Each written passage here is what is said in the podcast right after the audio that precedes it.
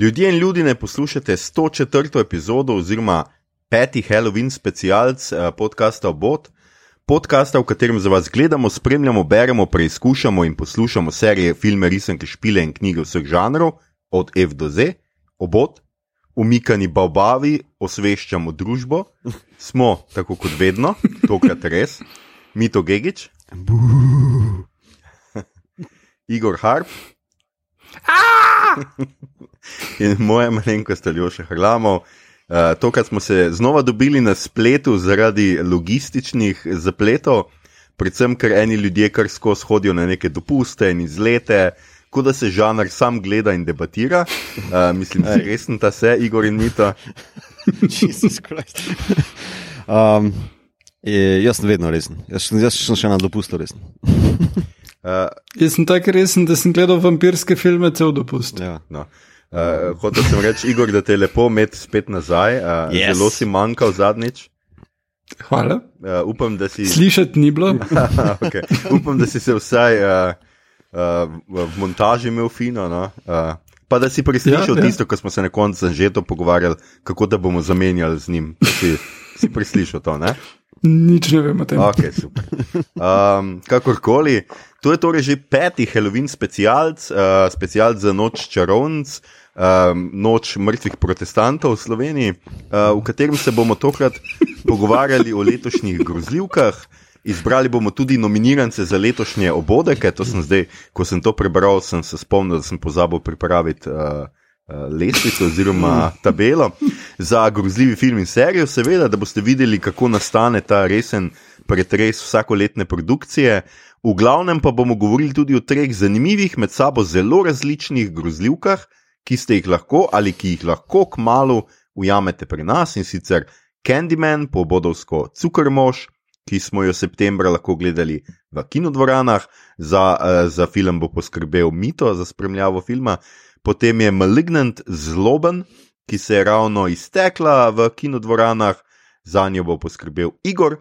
Ter Titan, oziroma Titan, ki prihaja na letošnji Leaf, ki se začne uh, že zelo kmalo, čez uh, dva, tri tedne v novembru. Če filmov še niste pogledali in ne bi želeli, da vam jih pokvarimo, pogledajte si jih in se k poslušanju naše epizode vrnite, ko vam to uspe. Če pa filmov, ni, filmov niti ne boste gledali, bi se pa kakšno urco kratkočasili, pa vas vabimo, da nam sledite v tole sumljivo mračno hišo ali gari, galerijo ali pač garažo. Uh, maestro, zaigraj eno zloveščo.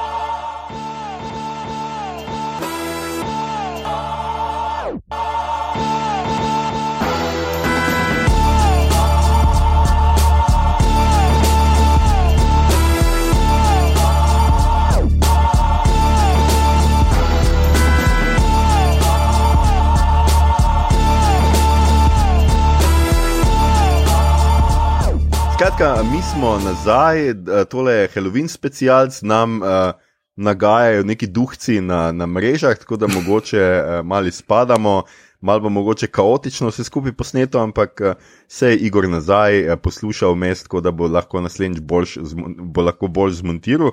Ampak še prej, uh, mogoče ena, zato ker je Igor anglist, nam mogoče malo pojasni, uh, zakaj. Uh, A je prav, da sploh Slovenci slavimo Halloween, a je prav, da imamo mi specialce za Halloween uh, oziroma za noč čarovnic, no? uh, ali eh, je to povsem nekaj tujega, komercialnega, kot božiček, ali je to vendarle etnološko spremljivo, dragi Igor. Okay. Okay. Uh, ja, absolutno je. Uh, zdaj, uh, tale angloameriška tradicija Halloween uh, izhaja, ima dvojne korenine. Ene so krščanske, uh, ki uh, so še iz starega Rima in zdaj tudi ime uh, Halloween je uh, All Hallows Eve, torej večer vseh svetih. Uh, in v nekdaj je bil običaj, uh, da so imeli nek praznik za vse svete in se je hodilo romat v Rim, in to se je delalo poleti, in uh, so v Rimu rekli, ok, to je pa bedno, uh, ker je ful prevelika gneča tukaj, pa nimamo kam s temi ljudmi, pa vročinski šok imajo, pa bolezen, pa whatever. So predstavili to na november, ko uh, 1. november, ko zaradi vremena v bistvu. In uh, dostkrat so bili običaji, ti, da so se ljudje oblekli v neke svetnike ali kaj podobnega. In od tod je en, eno tega preoblačenja. Ne? Potem je pa prišlo do razkoraka med uh, katoliško in protestantsko crkvijo, in protestanti so se odločili, da se ti v bistvu ne bi smel v, uh, oblačiti v neke svetnike ali karkoli in na nek način upodabljati tega. Mm. In da kakorkoli to delaš, je pa to nekaj zlobnega in ti kličeš zlobne duhove s tem. Protestanti so čudni. Um, in, uh, in potem je tudi iz tega prišlo to, da se ljudje oblačijo v uh, pač neke zle duhove, ker so pač sprejeli to kritiko cerkve in uh, jo upoštevali, rečemo temu. Uh, drug, uh, druge korenine so pa keltske narave. Ne? In sicer uh, keltski festival Samhain, ki ga uh, še vedno vem, uh, slavijo, uh, recimo v keltsko govorečih državah. Uh, torej Irska, pa Wales, mhm. pa deli Škotske. Uh, je tudi bil, da pač uh, zima prenese. Ma daljšo noč, po noči so duhovi daljce ta veni, in potem se ti uh, v, za začetek zime, 1. novembra, nekje, uh, oblečeš uh, v duhca, zato da oni mislijo, da si eden od njih in te pustijo na miru. Uh, zdaj, uh, če se ne motim, je. Uh, uh, ta država se je nekoč uh, imenovala Ilirija in uh, je nekoč pripadala še predtem Keltom, ali kasneje, ne vem točno, kako je šlo ja, poseljevanje, ampak uh, uh, basically nekaj keltskih korenin imamo mi tudi, uh, ostale niso se obdržale v, v jeziku. Um, Lahko pa nazaj reklamamo uh, te festivale. Uh, Uh, ne glede na to, koliko slovanski ali vem, germanski ali rimljanski v uh, vajnem primeru pač smo. Videla sta iz rimskega mesta, pa te fore. no, definitivno mislim, da je uh, to, do, da si dobro povedal, da lahko reklamamo ta mhm. praznik nazaj. Mislim, da je to tudi jezikovno popolno povedano, vse o Halloweenu, mi to tebe sem neki prekinu. Ne, jaz mislim, da so v bistvu ti reklamerski poskusi, že tle sem, mar ni Noriško kraljevstvo, v bistvu en takšen zelo vrli poskus reklamanja te naše keltske in lirske preteklosti. Aj, oni se na to obešajo, jaz ja, mislim, da imajo da... neko idejo v Venetih, ki so čist tretja stvar, ja, no, ki niso okay. niti bili tu. To je neko sporedno reklamanje. ja, to se dogaja istočasno. Um, kakorkoli že, sicer nikjer v tvoji pripovedi, Igor, nisem zaznal sladkari, to me zelo moti. Mm. No, pač Ali pa buč. Ali pa buč, ja. Ali pa grozljivke. Uh, tak... Ali niso mogli takrat predvideti, da bomo v tem času gledali grozljivke? Uh, zdaj pač eh, grozljivke se nanašajo na to, da pač protestantska crkva meni, da karkoli se oblačiš je evil, tako da let's embrace it, bodimo, uh, uh, mejmo te scene z evilness. Uh, samo da res, razkurimo protestante. Uh, druga stvar je pa, da z tem keltskim praznikom se pač, če se oblačiš v duhce ali pa če gledaš duhce na, na TV-ju ali pa v kinu še boljš, uh, je to nekako to. Ja. Mhm. Okay. Okay. Skratka, zdaj ste sliš, slišali, ste, da lahko brez uh, slabe vesti praznujete. Uh, in predvsem, seveda, upamo, da boste pogledali tudi kakšno grozljivko, mi vam bomo kar nekaj jih naštel. Uh, letošnjih, saj bomo današnjo epizodo, kot sem že napovedal v uvodu, izkoristili tudi zato, da bomo sestavili prvih šest, se pravi prve tri filmske in prve tri uh, televizijske kandidate za naše obodeke, ki bodo letos uh, postali tradicija, ker bo je drugič in to je že uh, po slovenskih zakonih uh, dogodkov, gasilskih veselic. To pomeni, da je to zdaj že bo letos tradicionalna podelitev oh, okay. obodekov. Yep. In če ne bomo v lockdownu, obljubljamo, ali pa tudi če bomo, bomo obljubljamo, da tokrat letos bomo malo poskrbeli za to, da bomo imeli tako, kot imajo vse velike podelitve. Skratka, imeli bomo uh, kako se temu reče, bralce, prezenterje, nagrad. Uh, tako da pač okay. glasbene točke. Tudi glasbene točke lahko naredimo, seveda, absolutno. In bomo naredili eno pravo prireditev, ki jo boste z veseljem lahko poslušali. Je pa to seveda naša tradicionalna novoletna uh, epizoda uh, ki bomo jo pač skratka v, okolici novega leta, domnevam, da pred Silvestrovim objavili, tako da ostanite uglašeni. Uh, zdaj pa se kar uh, lotimo. Skratka, današnja tema je uh, Halloweenu primerna, noči čarovnic primerna, grozljivke. Pogledali smo si tri grozljivke. Uh, od katerih smo, oziroma tri grozljivke smo nekako zbrali, pogledali smo jih seveda precej več. Uh, in o njih bomo danes uh, govorili. Um, jaz pač predlagam, da vsak pove pač približno um, sam te osnovne informacije, ki jih zadnje čase povemo, in pa da dodamo recimo vsaj malo zgodbe, tako za začetek, da ljudje, ki niso gledali katere od treh, tudi vejo. To smo v zadnjih epizodah spet malo pozabili, da naredimo en tak recap za tiste, ki vseeno mogoče poslušajo, pa ne vejo, o čem se gre, pa jih kar takoj vržemo v. v v skratka, dogodek. In mito, uh mhm. -huh. tebe sem napisal kot prvega, a, ker si tudi prvi ugrabil tisti film, ki smo ga vsi pogledali v kinu. Pač, eh, Najbolj lena varianta, tako kot ponavadi. In... Eh, najbolj lena, a meni najbolj primerna. tako da, um, mi to, skratka, ti si izbral uh, Candymana. Mm -hmm. Mislim, da je pod tem naslovom, sem videl, ja, pod tem naslovom je tudi bil pri nas, niso noč prevajali, mm -hmm. se tle poskušali neki mi smo ga prevedli kot cukor moža.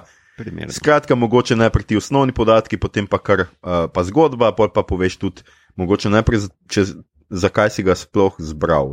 Um, ok, uh, Candyman je torej družbeno-kritična grozljivka. Mi imamo še celo napisano črnska grozljivka, slash klalnik, kot je v našem pojmovniku zapisan. Uh, preberite si, kaj to pomeni. Jaz ne bom zdaj vam tega bremenil. Uh, režija je, jaz kar berem tukaj dol scenarija, tako da ne mi zamerite. Ti kar bereš. Uh, režija je Nija da Costa, ki jo poznamo iz Little Woods, oziroma bo režirala tudi uh, prihajajoče Marvels iz leta 23. Uh, scenarij pa napisal Jordan Peel, njega ne rajem, mislim, da ekstra predstavljati, lahko pa si poslušate več o njemu, oziroma uh, v 18. epizodi. Igrajo, ufak. Um, no, talik njena. Ja, ja. E, up, to bom zmaličil, ampak let's go. Uh, Jaja Abdul Matin II, ki uh, v vlogi Anthony McCoya, a.k.a. Candymana, uh, Teju Noah Paris uh, kot uh, Brianna Bri. Uh, poznamo jo iz WandaVision, mogoče kot Moniko Rimbo, tisti, ki ste bolj vešči mhm. tega. Uh, potem Nathan Stewart Jarrett kot Troy Cartwright, Brianin brat, uh, ki je igral v Utopiji, uh, ter Coleman Domingo, uh, kot William Billy Burke, uh, ki ga pa poznate iz Lilkula, Selme in etc. etc., etc. Uh, to je zato zelo nehitro. No? Uh, ob, mhm. zgodba pa je sledeča. Gre se o, uh, torej, Anthony McCoy je mlad nadebuden slikar. Uh, ki se mu ponuja sodelovanje na skupinski razstavi sodobne umetnosti uh, čekaške scene, uh, Um, ampak je pač v krizi in ne znajde neke nove teme, tudi njegov galerist ga zelo um, takno ali pa ne takno, odvisno z kere perspektive gledaš, potiska naj nekaj novega poišče in se vrže v zgodbo o, uh, upam, da bom zdaj to prav rekel, torej uh, kalibri, ne, uh, kak je že ta uh, geto, Ka, kabrini, pardon, um, kabrini. Kabrini. Um, getu uh, ki pa je znan po tem velikem mitu Candymana. Uh, pade noter v zgodbo, ki jo poznamo iz originala iz leta 92 o novinarki, ki raziskuje umor o Candymanu, ki je ubil uh, pač, uh, prebivalstvo in tako naprej. Uh, zgodba se pa zakomplicira, seveda, ker pač on to vključi, to, ta mit, to zgodbo v svoje delo na razstavi in seveda pride do par teh. Uh, Izjemno inteligentnih, zvišenih ljudi, ki pač seveda povejo pač to, Candyman petkrat v ogledalo in potem se pač zgodba začne odvijati naprej. Ne. Tukaj bom pa nehal, z, da ne bom kaj preveč spojil. Tako da, um, film uh, ni remake, je nadaljevanje. Um, pa mislim, da ga predvsem bolj kot nadaljuje, nadgradi v smislu uh, te družbene kritike. Film ima zelo močno pomensko enoto, da se tako izrazim, v smislu getoizacije, pa gentrifik gentrifikacije. Uh, hkrati tudi zelo lepo plune na art world oziroma contemporary art sceno, ne zgolj to neko lokalno foro, ampak tudi kako je predvsem tale uh, galerist v bistvu potiskal na njega, najdi samega sebe, ampak najdi, kar je v bistvu meni bolj zanimivo, kot pa dejansko, kdo si ti, ne? ker uh, ga je res pot, grdo potiskal to in to ni nekaj nenavadnega, poznamo to, jaz poznam to. Um, tudi ta uh, lik likovne kritičarke, pardon, likovne kritičarke, ja, umetnostne kritičarke, um, je nekaj, kar mi je znano. Ne, v smislu, mislim, da je bilo v teh dveh scenah, ki jih je imela zelo uh, učinkovito uh, portretirano, kako ona najprej na razstavi, v bistvu z roko zamahne, mah, to je samo neko jajcanje v narekovajih, medtem ko pa potem, ko se en umor zgodi v galeriji, pa. Uh, je kar naenkrat ful zainteresirana za nek uh, članek, pa za neko zgodbico, ki bi jo nadaljevala, ker je v bistvu bolj pompozno, bolj uh, senzacionalistično pisanje se ji ponudi. Um, mm. Uh, še, uh, kako naj še to povem, brez da spojlam. Predvsem je dober uh, pri tem filmu, uh, kako se Candyman mit uh, uporabi za nekaj zelo sodobnega. Uh, za to črnsko problematiko, za rasno vprašanje v Ameriki, pa to gentrifikacijo, ki se odvija v, uh, na obrobju ameriških uh, velemest. In uh, to naredi brez velikega napuha, brez velikega pompa, ampak zelo učinkovito, efektivno, uh, brez nekega. Ne vem, pa, ja, vse je pa to sposredi, ampak brez nekega, kako naj rečem, nabijanja, no, sem reči tako zrazu, bolj simpel. Uh, in to, to mi naredi, mislim, Candyman je zaradi tega ena od boljših uh, grozljivk letos, ker ima mestoma te horor elemente, te slasher fore, uh, body horror, predvsem uh, z piko čebel, pa uh, na koncu še marsikaj več. Um, ja, začne, se, začne se strpno, oziroma alergeno, uh, potem pa stopnjuje od tega gor. Uh, pa predvsem ta komentar, ki pa mislim, da se je še enkrat tako izrazil, ta sodoben žanr uh, grozljivke, ki, ki ima močno socialno noto posredino. Tak da, ja, mm. uh, mi to se lahko priznaš, da so te imeli že pri glavni onak je uh, struggling painter. mm. Mislim, da sem tudi struggling painter, ampak mislim, da ni tako on. um, ne, štekam. Ne, veš, me, veš, dejansko, ki me je kupilo. To sem vam v kinu tudi povedal. Uh, ko sem na steni videl uh, Josefa Alberta, uh, na steni od te umetnostne mm -hmm. kritičarke. Ker mi je ta miniaturni detajl, uh, ki je namenjen samo za likovnega, mislim, za ljubitelje likovne umetnosti, mi je bil, hej, super. Res so si vzeli čas, posvetili neko simple foro, na steno dal print Josefa Alberta, ki je bil učitelj uh, likovne pedagogike, mi smo se ga tudi učili, uh, dela preproste, brezvezne, najbolj dolgočasne kvadrate ever, ampak se mi je zdelo za lik te umetnostne zgodovinke. Idealna izbira umetnine za njeno steno in se mi je že super, enostavno super izbor. Uh, potem pa tudi, uh, ja, meni je sicer uh, zanimivo, kako so stopnjevali, rečemo temu, uh, um, tesnobo, pa stisko našega glavnega protagonista, ki se odraža tudi v njegovem delu. Ne? Ker on začne zelo zafrustrirano z nekim starim delom, ki je tako zelo estetsko čisto, spucano, ima zelo močno narativno noto okrog črnskega vprašanja, potem pa, ko pade, vedno, ko ga ta tesnoba vedno bolj stiska, ne?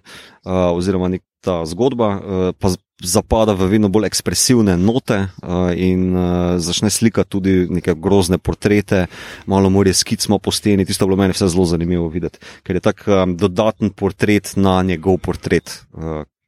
Ne, tako, to se mi je zdelo zelo fino. Ja, tako da, ja, mene je to kuplo, mene je to vse kako kuplo. Uh, koliko pa je ti razmerje uh, art house film versus horror, kje na tem spektru? Kako misliš, ti vidiš uh, art house, v kakšnem smislu? Ja, film je, je tak arthouse zadeva, torej nek umetniški film z sporočilom, z detajli, ki so ja, izpiljeni. Hkrati je pa tudi horor film, ampak ali se ti zdi, da je primarno film z nekim sporočilom, neko umetniško delo, ali je primarno žanrski film, ki skuša prestrašiti, uh, šokirati bralce in povzročiti moralne uh, travme? Hmm. Ne vem, če bi lahko tako jasno razločil uh, ali pa jih razdvojil. Ne, uh, se zdi, da se... ne se pravim na spektru. Ja, ki je na spektru. Prav ta dotični film, a meni osebno. Ta dotični, ta dotični film, film tebi osebno. Jaz mislim, da je prej. Uh, ok, jaz bom prej rekel, da je horor. Um, ampak. Um, žanrski elementi hororja so uporabljeni dosti bolj zadržano, kot je za ta žanr, eh, tudi za samega Candymana značilno. Uh, ker so vsi ti elementi uporabljeni dosti bolj v službi uh, globega narativa, oziroma tistega bolj narativa v spredju, uh, ki se odvija, torej uh, odlika, kakšna je njegova tesnoba, pa uh, predvsem te socialne kritike. Tako da uh, ful težko bi rekel, ki je na tem spektru, ker tudi če bi za perspektivo obrnil, ja, da najprej gledam to kot uh, socialno kritiko tega sistema, pol imaš pa noter nek crazy element, uh, horror element, mm -hmm. ampak vse je tako nekako funkcionalno sestavljeno kot nek uh, uh, Lego kocka, razumeš, uh, da zelo težko bi nekaj razdvojil, uh, pa rekel, kao, to je zelo dobro funkcionira brez tega. Ne, mislim, zelo, zelo je, mislim, da to pilovo delo zelo dobro. Um, uh,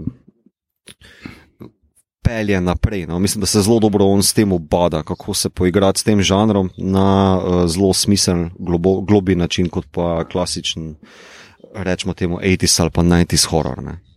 Um, mm yes. no, no, tudi izvirni Candyman, ki sem ga pogledal, tik preden smo šli tega gledati ponovno, um, ima tudi. Uh, trudi se z, z neko socialno noto, ne uspe čist, uh, in trudi se tudi z do, določenimi detajli, ki presežejo žanr. Načeloma, recimo glasba Filipa Glasa, ki čudovito podobo naredi. Ne?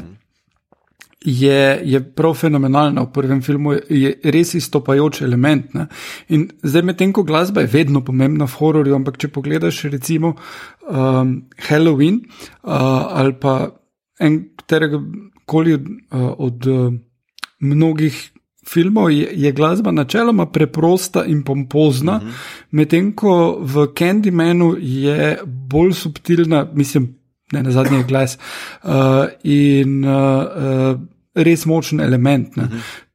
uh, hkrati pa zaradi tega malo, malo ven štrlina, uh -huh. ki je predobra skoraj za film, ki ne uspe čist celoti vsega doseči, kar si je zastavil, dočim to nadaljevanje sinu. Ja, ja.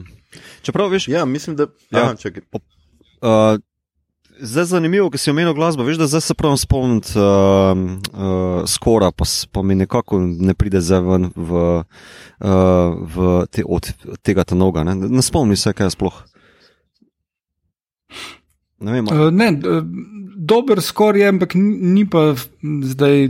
Toliko dober kot skor prvega filma. No. Ne, ne, ne. Hoče povedati, da v bistvu je na ta način ali upeljan ali pa uporabljen, da ga sploh ne opazim. Kar ja, mm -hmm. mu dam, uh, to je za me vedno odlika, da če je v bistvu neka obrt -hmm. uporabljena v uh, filmski umetnosti in je ne opaziš, pomeni, da je job, job good done. Um, ampak ja, samo tako sem se v intermecu vprašal, kva pa je sploh bila za glasba, tako sploh mi ni zdaj, ker ponovadi sem pozoren. Ja. Uh, ne, plus, da bolj si bil na vizualne stvari fokusiran, ker pač ja. je art. Ja. Ja. Ja. Ja, jaz sem hotel sem reči, da pač tukaj pač imamo zdaj en ta primerek uh, grozljivke, ki bi jaz rekel sodobna. Na nek način sodobna grozljivka, zaradi tega, ker mislim, da tukaj res žanr dobiva en podžanr. Zato sem jaz v scenariju napisal, da je to črnska grozljivka na nek, na, na nek način. Ne? Ker pri Jordanu Pilu imamo zdaj vendarle tretji nekak film, dobro, as mogoče ni bil tok o rasi per se, ampak Get Out, vsaj zagotovo, vsi vemo, ne, uh mhm. -huh. Candyman tudi, uh -huh. uh, pa tudi uh, nekatere stvari, ki jih je on uh, produciral, recimo uh, tudi uh, ta novi njegov Twilight Zone je tudi imel neke stvari, recimo o rasi. In je eno tako vprašanje, pri čemer pač pri teh filmih postaja. Je taka mešanica, to, kar je Igor pač tudi uh, nakazal, mešanica pač tega družbeno odgovornega filma, filma z nekim sporočilom in pa horo, hororja, grozljivke. Zdaj meni se mogoče pri Candymanu so se mal stvari včasih um, sesule, mogoče, no, uh -huh. kar je verjetno pripisati tudi režiserki, da je to njen drugi film v, v Lifeu, ne, uh, mogoče tudi malo tako, uh, da je pač. Pilov scenarij tako močan, da mogoče tudi ni upala toliko nekih svojih stvari. Meni je Mhm. recimo se zdelo, da je ta psihološki razvoj um, Matina v Candymana čist iz, izostal iz vsega, on je se samo nekje pojavljal, mi smo Mhm, sumili mhm. več čas, da je to on, ni pa bilo to neki blazno. Poudarjeno, izkoriščeno, niti, ker bi tukaj bil v resnici tudi en horor. Pač dobro, v slikah smo pol že videli, da se mu nekaj dogaja, ampak um, marsikaj se mi zdi umanjka. Tudi, a veš, roko smo videli enkrat, dvakrat, ko ga pičla, pol tretjič je živel, pa skoraj da je bil že skoraj v celem telesu, ne, kar je bilo zelo en tak velik preskok, ampak pač zdaj, zdi pa se mi z tega vidika pač zanimiva, ker gledamo tukaj, jaz mislim, da je res razvoj enega žanra. Uh -huh. In jaz tle noter tudi dajem recimo Flanagana, ki ok, nima toliko družbenih, čeprav zdaj v tele Midnight Mass, kar smo gledali v polnočnici. Je tudi vera, religija in te stvari, uh -huh. so, ampak so bolj mogoče take eksistencialistične uh, finte, ampak tudi pri njem so horor elementi zelo subtilni, zelo malo jih je. V resnici včasih dobiš občutek, da ga ne zanimajo tok, kot ga zanima vse tisto, kar grozljivka ponovadi spregleda uh -huh. ali pa. Od čimer se ne ukvarja tok, ne ta drama, tudi človeška, on ima malo več, recimo, tudi psihologije in tega. In meni je to pač zanimivo, ne, ker, ker je en razvoj grozljivke od tega, od strahoskokov in, in tega, pa do tega, da pač imaš tukaj neki. Ker kaj je na koncu v Candymanu groza? Groza je v resnici družbena, v resnici je groza to, uh -huh. kaj pač si, sistemski rasizem, ki obstaja v Ameriki, ni toliko Candyman. Candyman je odziv na to grozo uh -huh, uh -huh. in je nek mit in ima tle neki. In to se meni zdi pač izredno zanimivo in izredno uh, dobro. In malo me je to zdaj razvadilo, se Igor rad pove, da pač nisem navaden gledati slabih grozljivk. Ja. In pol, ko pogledaš eno tako, ki je pač kar nek klalnik, si pač rečeš, ja, so what. Ej, vsake toliko moraš kakšen klalnik pogledati, da lahko ceniš one ta dobre bombončke. Veš. Ja, recimo, ne, uh, uh, Igor. Uh, ja, sej, uh, jaz bi še definitivno Egersa pri- vštel v No, to, ki je Eggers, tudi ja, svetilnik, recimo. ja, svetilnik, pa, pa čarovnica. Uh, in tudi uh, tale, ki je naredil Midsommar, pa Jennifer Kent ki z, z tistim kripi Babadukom. Um, to so. Jaz mislim, da so to avtori tega vala, hororja, po katerem bo vem, to obdobje, um, s katerim je to sodobno obdobje najbolj zaznamovano. In mislim, da imajo tudi močen vpliv onkraj uh, samega hororja na to, kako uh, se filmi delajo, kako se razvija.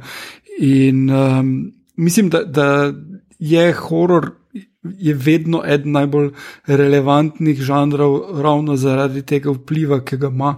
Zdaj, te filmi so full kvalitetni v vseh pogledih in uh, tudi če so kje kakšne pomankljivosti, um, so ambiciozni in um, izpiljeni.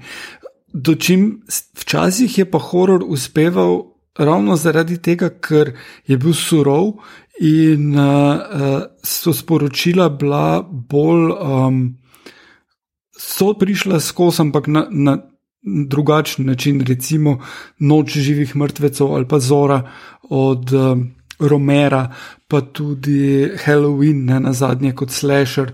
Uh, in začetku tisočletja Hostel in Žaga in vse ostale stvari, ki uh, so dost bolj tipične grozljivke, dost bolj skoršundovski izdelki na prvi pogled, mm. hkrati so pa imeli uh, dost močen vpliv in na filmarje in na publiko. Uh, in mislim, da, da tole zdaj, kjer imamo vse to v hororju, smo pa nekje na ponovno na ravni Hitchcocka najbrž.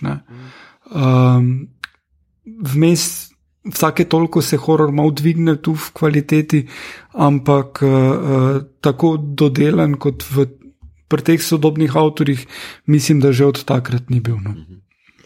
Ja, ja, eh, posebej je pa to, to je horor, res horor, posebej za kakšne uh, res, res snežinkice, ne, to je zdaj tako vok horor. Je to, to je res nekaj, ob čemer pač, ki pač ni. In meni je to všeč, jaz moram reči, da mi je res všeč, ker je tudi sporočilo in your face, ne to, kar si go rekel. Ja, mi si lahko zoro živih mrtvecev, pa te so zelo simbol, mi si pravzaprav predstavljamo kot neko parabolo, kot si lahko vsako umetniško delo. Tukaj pa ti pač horor tudi pove, kaj je pač poanta in ti mhm. zelo jasno mhm. pokaže, zelo jasno se up, up, upne v, v družbo in to je meni v resnici, se mi, se mi čisto dopade. Ne? Je seveda, gotovo bo, bojo prišli filmi, ki bojo začeli pretiravati s tem, pa bojo šli predaleč v, v, v to in your face uh, forum, ampak jaz mislim, da ne na zadnje tudi Squid Game, uh, ki smo jo dobili, je tudi v neki. V tej smeri, recimo, ne, tudi imaš antikapitalizem, ki je zapakiran v neko iznakažjotko, mučilko, kako koli pač to imenujemo, in je to čist super. Ne? Ja, ne, pa, mislim, da ja, rečemo, temu, rečemo jim z zelo velikim uh, Bani Rebec narekovaj kritikom vok uh, izdelkov, ne, uh, ker se jim ugrablja eskapizem. Um, mm. Ampak to nikoli, eskapizem nikoli ni bila odlika ne umetnosti, ne žanra. Uh, veš, kao, da, da bi non-stop bilo tako. To imaš vrhunce, pa pace, kakorkoli boš to gledal, in vedno pride neka generacija, slejko prej, ki v določenem obdobju uh, nastavi ali zrcalo v določenem žanru, ali pa v določenih obrtih, ali pa umetnostih. In pač jaz tudi, tako si ti zdaj rekel, se mi zdi, da v hororju uh, se dogaja nek takšen preobrat, zrcaljenje, zrcaljen preobrat. Hm, hm. Okay, trademark, that shit. Um, um, Tako da, ja, ne vem, meni se zdi smešno, da, nek, uh, da nekdo govori resne teme v takšnem žanru kot horor, pa da dejansko s prstom na neki kaže, pa da še bi temu rekel po vrhu woke culture. Culture je to, ne vem, kako bi te rekel, ugasnjeno, potem non-woke. Kaj sploh pomeni to? Veš, ne vem, smešno mi je. No, uh, no meni, uh, jaz sem v zadnjem času videl dva filma, ki. Uh, I guess, da se trudita biti woke, pa, pa je čist fail. Uh, eden je Halloween 2, uh, ki ima full, oziroma Halloween kills, um, kar je slabo prevedeno, ker je noč čarovnic mori, dočim uh, tale pač, kak imaš Jason, ne? Um, ne, Mike. Mike, ja, Jason je pa res druga franšiza, fanta. ja. Uh, Mike, Michael, uh, ni zmožen umorov, ker umor je pomeni, da je pač razmišljal o tem, on pa pač je surova sila zla, ki ne razmišlja. Ampak problem je v tem, da tale Halloween Kills se trudi biti. Uh, vključujoč, ne, ima noter temnopolte like, dva, uh, pri čemer sta to celo uh, mož in žena, kjer je ona zdravnica, on pa uh, medicinski brat, ampak je Halloween in sta oblečena, v, zamaskirana, tako da je on zamaskiran zdravnika in on v. Ne, sploh ne pretiravajo. Ne? In potem ona dva nista prva, ki umreta, ne? ker veš, to je stereotipno, da temnopolti prvi umrejo, sta druga. Da vidiš, da so dali minimalen effort v to, pa niso. Ne? Potem je en gay par, ki, I guess, da je super, da imaš gay par not, ki uh, je starejši par, ki sta zelo srečna.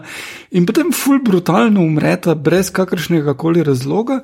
In potem jo še Michael aranžira v nek objem, brez kakršne koli razlage, zakaj bi on to naredil, prav z njima, pa z ni, ja. nikomer. Da, ima je do takrat. Igor, kako ne ja. razumeš? Podprl je to vseeno, mislim, ja. ubija ja. on enakopravno, ker pač tak je, uh mhm. -huh. ampak pokazal pa je, da mu je vseeno mar.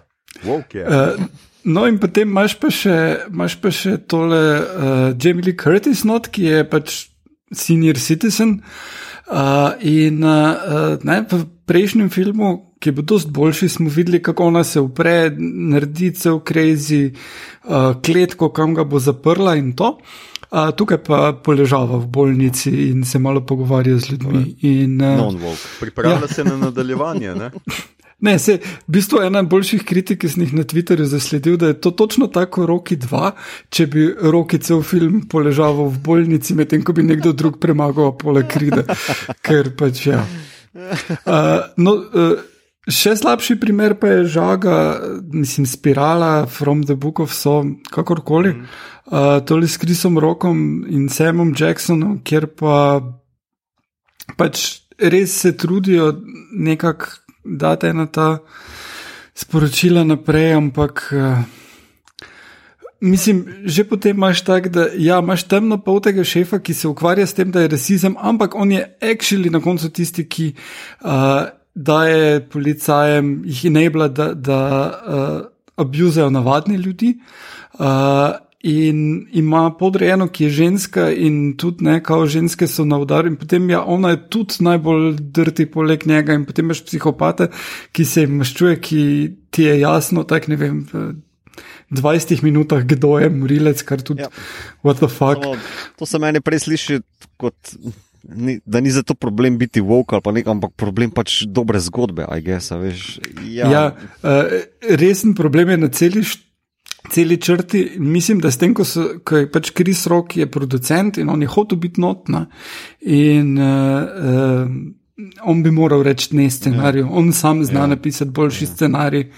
Uh, kot to, in uh, res ne vem, zakaj se je na koncu odločil sodelovati. Uh, Dočim mislim, da, da uh, Sam Jackson pa mu je bilo všeč, kako njegov lik Aha. umre, spoiler, whatever, in tako je jasno, da bo umrl. Um, dost hitro in ja, je kao kul, cool, ampak je res bedno. No, mislim- no, tako da, avoid. ne bi zaradi pretirano zdaj zapadel v to neko vok uh, tangento tu, ampak samo da se vrnem nazaj na Candymana. Meni ni vok, da nekdo s prstom pokaže na realni družbeni, kri- družbeni problem, ki ga dejansko živijo ljudje, ne, ga trp, uh, pod katerim trpijo ljudje. Mislim, noter je policijsko nasilje. Uh, pa gentrifikacija, to so realne zadeve. Uh, zdaj, če je kazanje s prstom na družbo ali pa odslikavanje teh problemov z eh, prepričljivimi liki, ki živijo to stvarnost, vok, pol tudi prav. Ampak meni se zdi, da se pač ta. Vse, mislim, meni se zdi, da je pač krilatica Vok pač pretirano uporabljena samo kot easy kritika, pa za mih zamahnjenost. Mislim, da malo zamahne z roko, kam, ah, to so pač ti sodobni blja, blja, ne, z, ge- z gen ali whatever. Ne. Mislim, brez da bi se dejansko ukvarjal s tem, kaj kdo skuša nekaj povedati ali pa o čem dejansko zgodba je, pa da še potem vrednotiš mogoče uh, izdelek.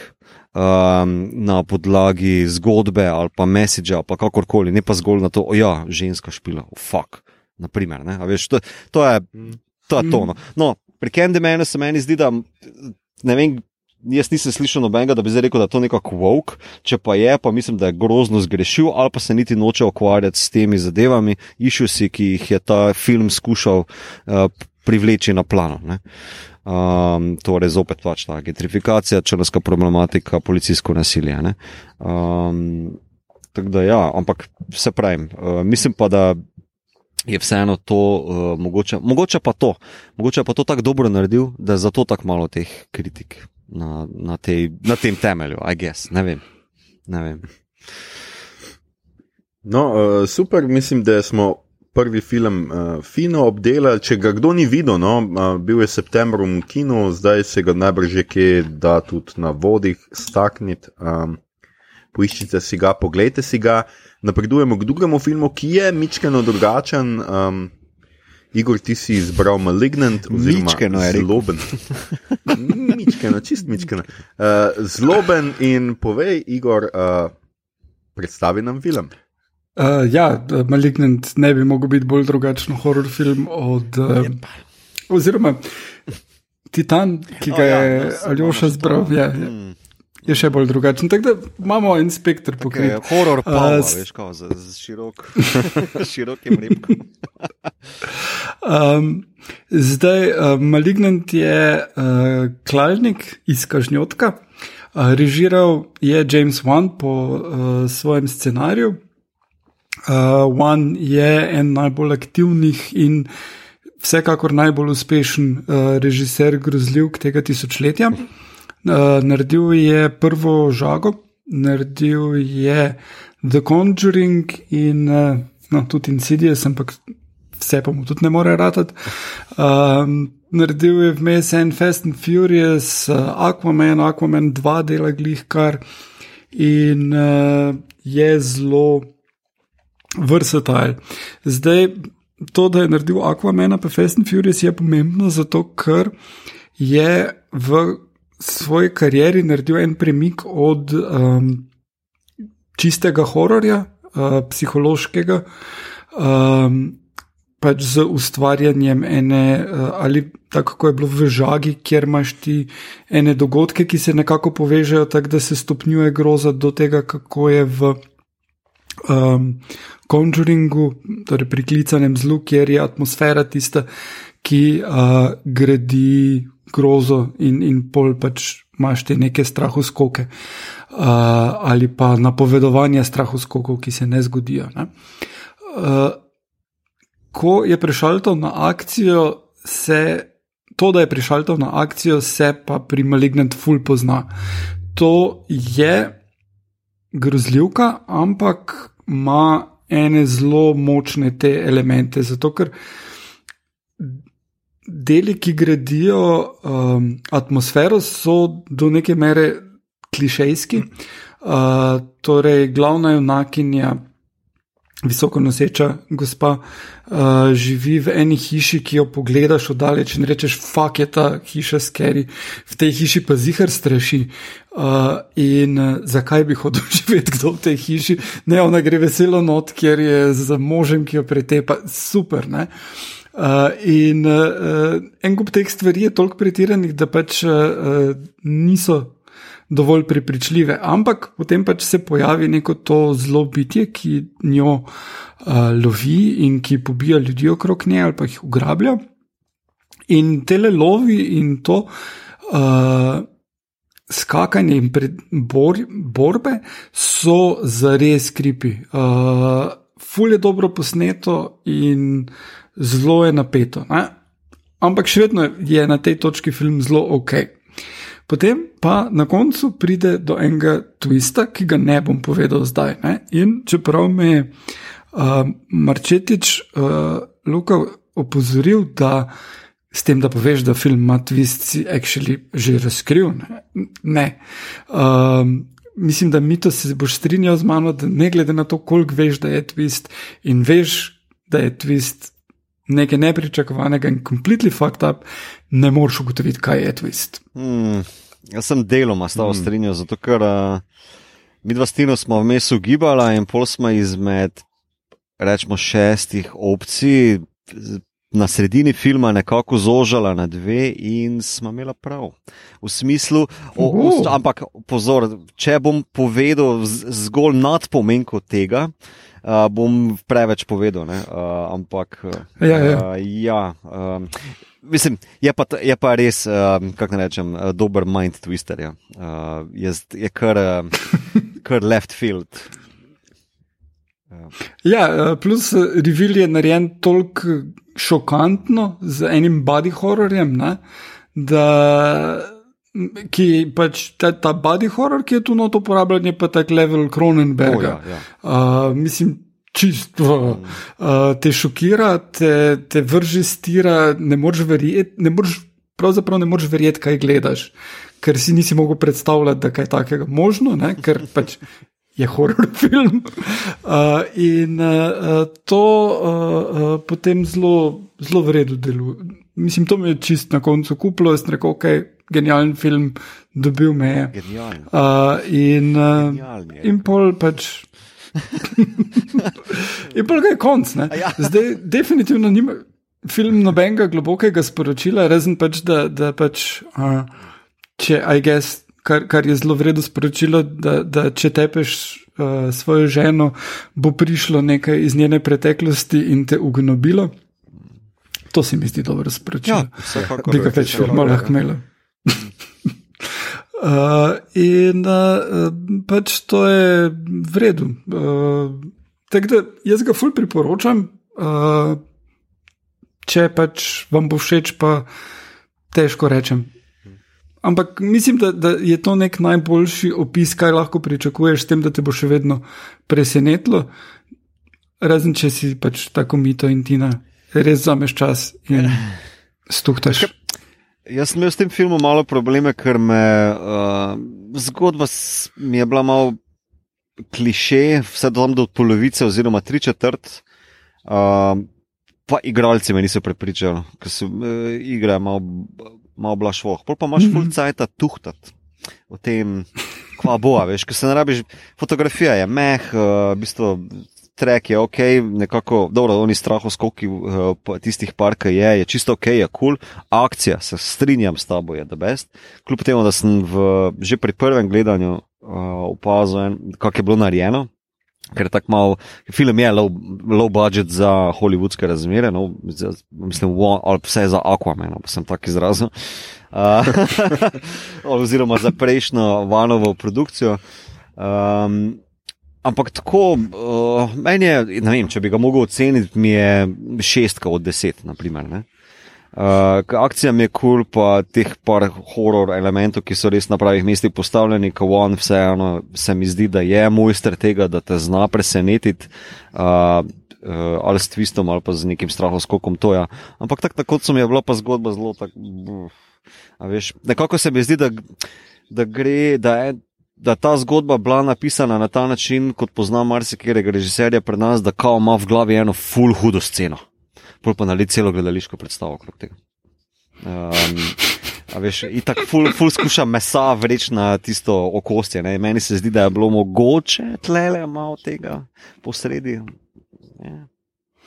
Ja, ne, se film je, hvala Bogu, dost kratek, ker uh, edino kvečemu bi lahko imel še več nekih akcijskih scen, ampak zgodba pa je zelo rudimentarna. No. Uh, in ja, temelji na Vanovi ideji, po mojem, je, je, imaš čist prav, tisti twist, in potem je iz tega gradil, in ni čist do konca zgradil, aj gess. ja, mi, mislim, da malo, malo samo to poznano. Zdaj ne vem.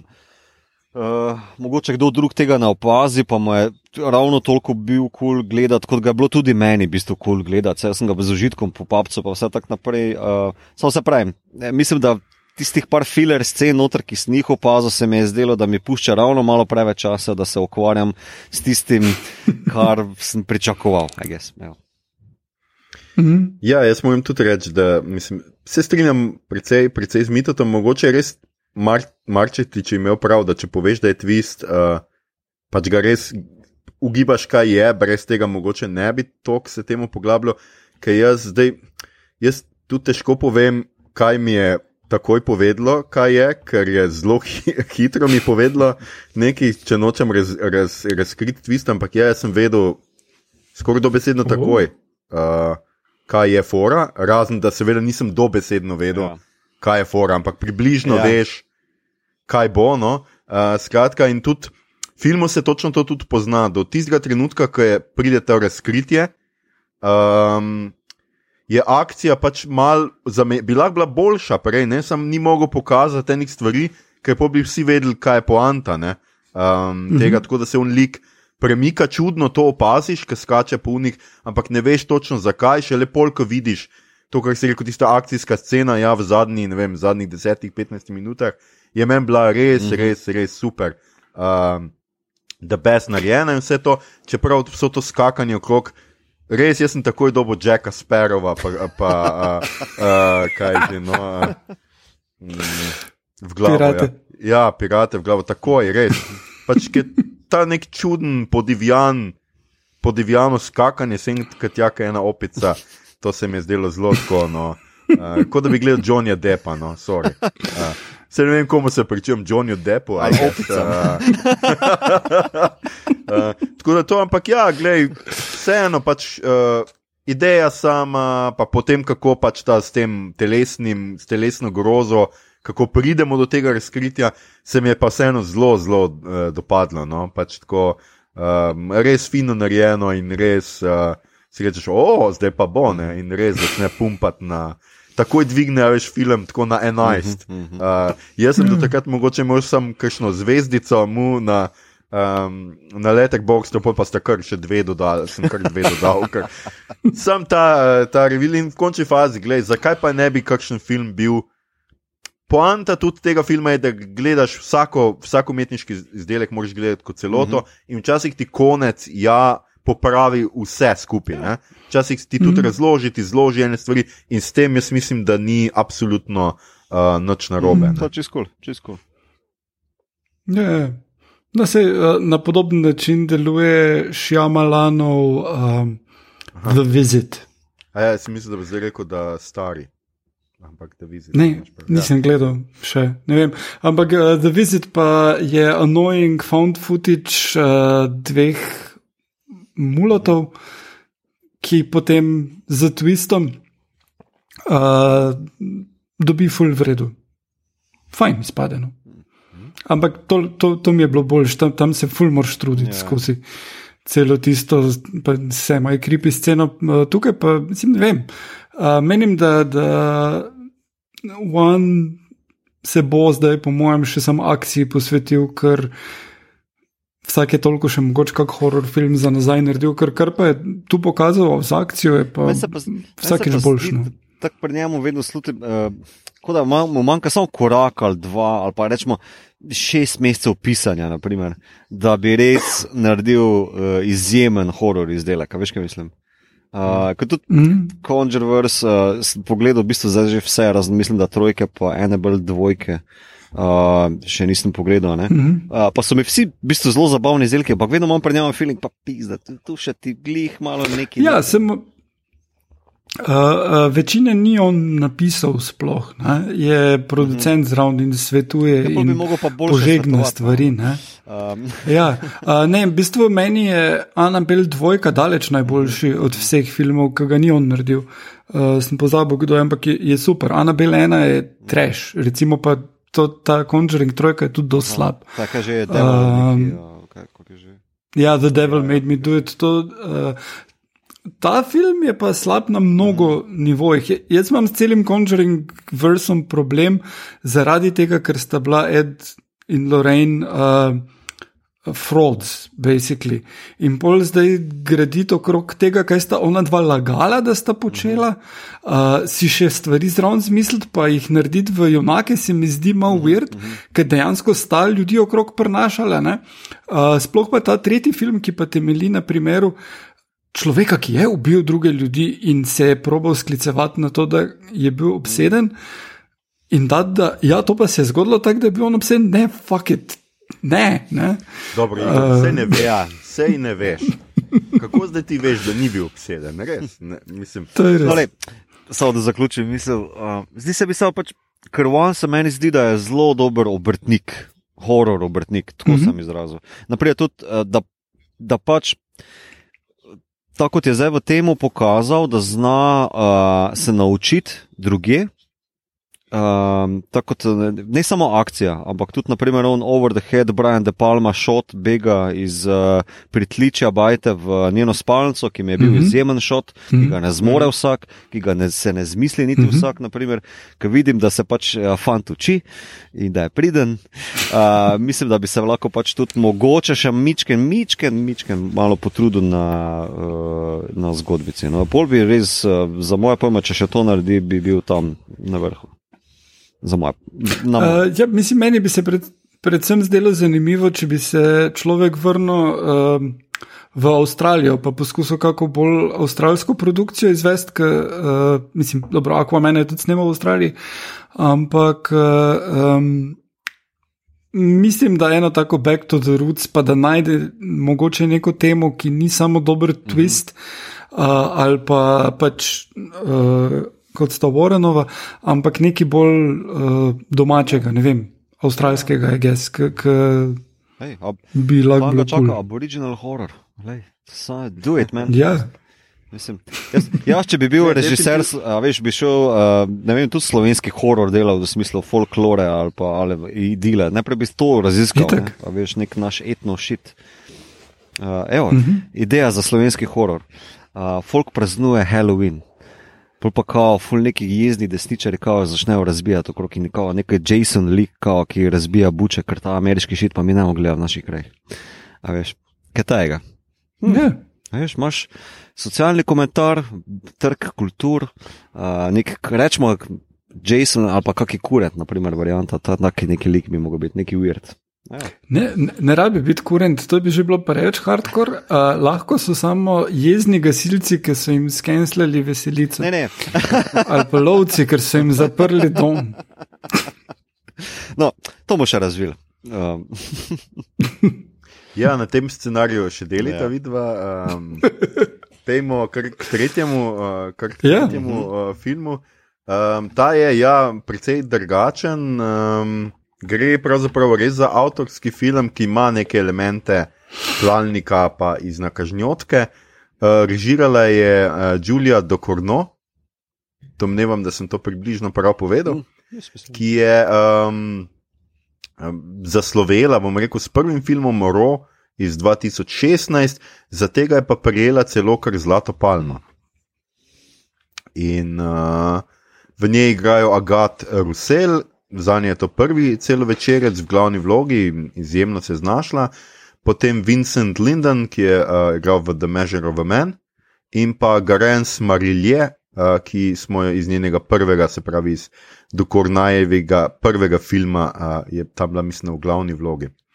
Skratka, zgodba, ki jo tukaj spremljamo, je pa tako, da a, mlada Aleksija v prologu nekako doživi prometno nesrečo, zato ker moti očeta med, med vožnjo, tudi a, pač oponaša, najprej oponaša avto, br, pač brnenje, pa fotra to mal iz tira vrže, pol začnemo butati v. v eh, Stol, ker pač on privija musko, fulna glas in zaradi tega pride do prometne nesreče, uh, njej pa zaradi poškodbe v lobanju namestijo uh, titansko ploščico, ki ji očitno še dodatno nekako priljubi avtomobile, malo tudi se mi zdi, da fotra s tem jezi, ker kako hitro pride z bolnico, v kateri res strmi fotra, da gledaj, ti si kriv, kaj mi zdaj morajo to ploščico dati, pride ven in objame avto in ga poljubi. Uh, pač tam od tam naprej vemo, da bo pač fi, film šel v zelo zanimive vode. In potem jo vidimo precej starejšo, kaj jaz vem, nekaj čez 20, domnevam, ko uh, pravzaprav se preživlja s tem, da uh, erotično in ne morem podariti besede, dovolj erotično pleše po avtomobilih na avtomobilskih sejmih. Očitno ima veliko oboževalcev, ljudje jo prosijo za avtograme in celo sledijo iz sem in tja, hkrati pa tako honorarno zvečer še pobija ljudi. Uh, Kokar zvemo, pač iz televizije je pobila cel kup že in pa neke svoje simpatije, kar pobija. Um, ampak e, še bolj važno je, da pač eno noč uh, seksa z avtom, tudi to ne morem dovolj poudariti. Uh, vseh besed v tem, tej povedi, seksa z avtom. Zdaj to zgleda sicer tako, da, drži, da je na zadnjih sedežih, pa se drži obeh pasov, pa ima noge razkrečene. Skratka, nikjer ni tam zadaj nobene, ne ve, mislim. To bolj funkcionira kot da seksa z duhom avta kakorkoli pač bi, bi že človek rekel, ampak potem seksa z avtom je noseča, uh, potem se ji še zalomi neko pobijanje v neki hiši in ker je policija nekako uh, nasledi, domnevamo, uh, se odloči, da bo kar zažgala obleke, potem se kar zažge cela hiša in zaklene svoje starše v spalnico, pobegne od tam in potem uh, prevzame identiteto nekega izgubljenega fanta, po neki robotski sliki se ji zdi, da je zdaj, uh, ker so pač naredili robotsko sliko, ker fant je izgubljen že ne vem koliko let, kako zdaj izgleda, se zdi, da je podoben in prevzame njegovo identiteto in gre živeti z uh, fotorom pač tega fanta, ki je gasilc, in tam se pač zgodba uh, nekako nadaljuje. No? Um, Ja. Um, ja. ja. Jaz sem ga Gledal, da se strinjaš, da sem, da sem zelo dobro ja, povzel vse s- skupaj. Na pol si povzel. Um, Um, ja, kar nadaljuje. Skratka, gre, ja, skratka, gre za avtorski film. Ne? Gre, tukaj res gre poudarjeno za avtorski film, ki pa ima nekatere eh, žanrske elemente, na koncu pa zelo tako na pol močilka iz nakažjotka. a, Tako, skratka, dom, verjetno si predstavljate, da pač to ima povezavo z njenim a, s trebuhom, z njeno nosečnostjo, ker ima trebuh takoj že drug dan, tega, dobesedno drug dan tega seksa z avtom. Uh, In uh, ja, no, pač, kar je mene mogoče malo presenetilo, je, je vsa ta zelo, zelo velika eh, navdušenje nad, nad, nad tem filmom, ker se meni sicer ni zdel slab, po drugi strani pa tukaj dostkrat govorimo recimo o žanru, pa mi se zelo trudimo, mislim, trudimo, ne rabimo se truditi. zelo smo odprti do žanra in mislim, da pač to, kar uh, tudi nedolgo tega, uh, kar nas je pohvalila, recimo Jedrt Lapoh Maležič v enem svojem tekstu, je napisala, da je zelo zadovoljna, da obstajajo taki podcasti, ki so začeli žanr obravnavati kot nekaj, kar se obravnava, pa niso snobovski do njega. In meni se zelo pogosto pri takih filmih, kot je tale, recimo, pojavlja ravno obratno vprašanje. Nekoliko je avtorski film včasih žanr v resnici, kjer dobiš vse tisto, kar pričakuješ. Uh, francoski je to prvo, okay, pač to yeah, ja, more. Ja. Francoski yeah. čuden film. Uh, pač vse, kar je lahko uvirt, je uvirt. Pač vsi odnosi so za noč. Pač ta gasilec fotor uh, je več čas kot da pripričan ali pa sebe pripričuje, da je to njegov sin, hkrati na pol jo hoče naskočiti vsak trenutek uh, uh, tega odnosa. Um, ona pač pobija vse, ki jih ima rada, ampak se nekako naveže ravno na tega fotora iz nekega razloga, ker nismo posem pripričani, razen da ji po, pač nadomešča fotra, ki ga je ubila uh mhm. -huh. in njunega odnosa v resnici niti ne skužiš dovolj. Hkrati je vrženo tu noter pač ta nek transhumanizem, ona seksa z avtomobili, ima tudi transko ploščo, uh, tako, ampak tudi. V resnici to nikamor ne pelje. Potem so zelo lepi posnetki uh, ognja, kako gori, ker je pač ta um, človek pač skratka gasilec, kot sem mm -hmm. rekel. In tako in je vse skupaj nekako zapakirano. Uh, film ne gre v resnici nikamor, zdi se, da noče povedati ničesar o ničemer. Uh, niti, ne, jaz, ni kaj dosti sodobne francoske družbe. Jaz, rekel, Aha, jaz mislim, da skuša povedati ogromno, pa, pa tako je. Ja. Enkrat, ampak eh, z zelo, kako naj rečem, eh, z slikami, no? zelo z, te, slikovito sem tako reči izrazil, kot pa povezano. No. Oprosti, da sem te prekinil, samo to se mi zdi. Ne, ne, ne, ne. super, mm. super. Um, ne, se jaz vmes brskam, pa če sem letos še en zelo podoben uh, film gledal, um, ki pa zdaj ne bom. Ker tako našo, ki je že. Uh, ti kar brskaš, ja, povem. Pa to povedal, meni se ja. zraven tega še ima film. Uh, om, Nakaže, da ima, želi nekaj povedati o bistvu, um, spolni disforiji, uh, pa o, uh, na, rečemo temu, najdeni družini, ker je v bistvu kao sex change posredi, uh, zraven body horrorja, ki je ekspliciten. Uh, nasilje mm. nad lastno podobo, pa lastnim telesom, predvsem uh, zraven praskanja po različnih predeljih tistega tele, njenega telesa, ne, je meni predvsem uh, scena z uh, umivalnikom in nosom izjemno mm. trpeča, pa sem fucking nos ampak eh, je to Kronerberg level nasilja, eh, pa še preseže ga, ultimativno ga preseže. Hkrati ima pa tudi fulz zapovedati o, vse meni se je zdelo, da je tam uh, nekaj zapovedati o toksični moškosti, pa neki homof ne homofobiji, ampak o filiji. Veš, ti vsi gasilci, ta scena je full weird. Mm. Kot neka tehnaža, ki se v gasilskem domu dogaja in ta star fotor, ki je gasilc, se ne zmore več vklopiti v ta mlada telesa, on se drugira z nečim, najprej smislu, da je heroin, pol sem pač skužil, ne, se heroin moraš žilo furati, on si ga vrit pika, tako da to so steroidi najbrž posredi, torej gre se mm. za neko obsesijo z mladostjo, z lepim telesom in pol se izkaže, da plešajo vsi ti, naslednja scena je takoj, da plešajo vsi v, uh, na pol nagi v onem gasilskem domu. Uh, veš, mm. Take nadrealistične bretonovske scene, uh, tako zelo frenč, kot si se izrazil, ja, um, ki mislim, da funkcionirajo zelo lepo kot samostojne slike, pa enote, jih pa ful malo veže. Vse takšen feeling sem dobil, da zato mislim, da film ima, ima nekaj zapovedati, ampak mogoče je preveč uh, na enkrat. Veš, kaj mislim? Mm. Um, ja, ja, ja. Se, mislim, se, se strinjam. Ja, pač dost odpira, ampak mm. noč, v resnici se zdi, da ga noč ne zanima. Ja v resnici pa. A veš, pa tudi tisto, kar mene pač moti pri takih filmih, je to, da recimo, ja, ima nekaj čudovitih vizualnih mm -hmm. podob, ampak recimo niso povezane, enkrat je to požar. Mm -hmm. Ampak, a veš, ni nobene povezave med njenim požigom mm -hmm. doma in njenim sodelovanjem z gasilcem. Ni nobene povezave med, recimo, med njeno ljubeznijo do avtomobilov in tega, da je zdaj enkrat v gasilskem avtomobilu, ki bi jaz mislil, da se ji bo utrgal mm -hmm. od ne vem česa. Pač. Ja, uh, ja. Um, ja, spomnim, pogled, vmes sem našel, pač lani sem gledal Emo, recimo.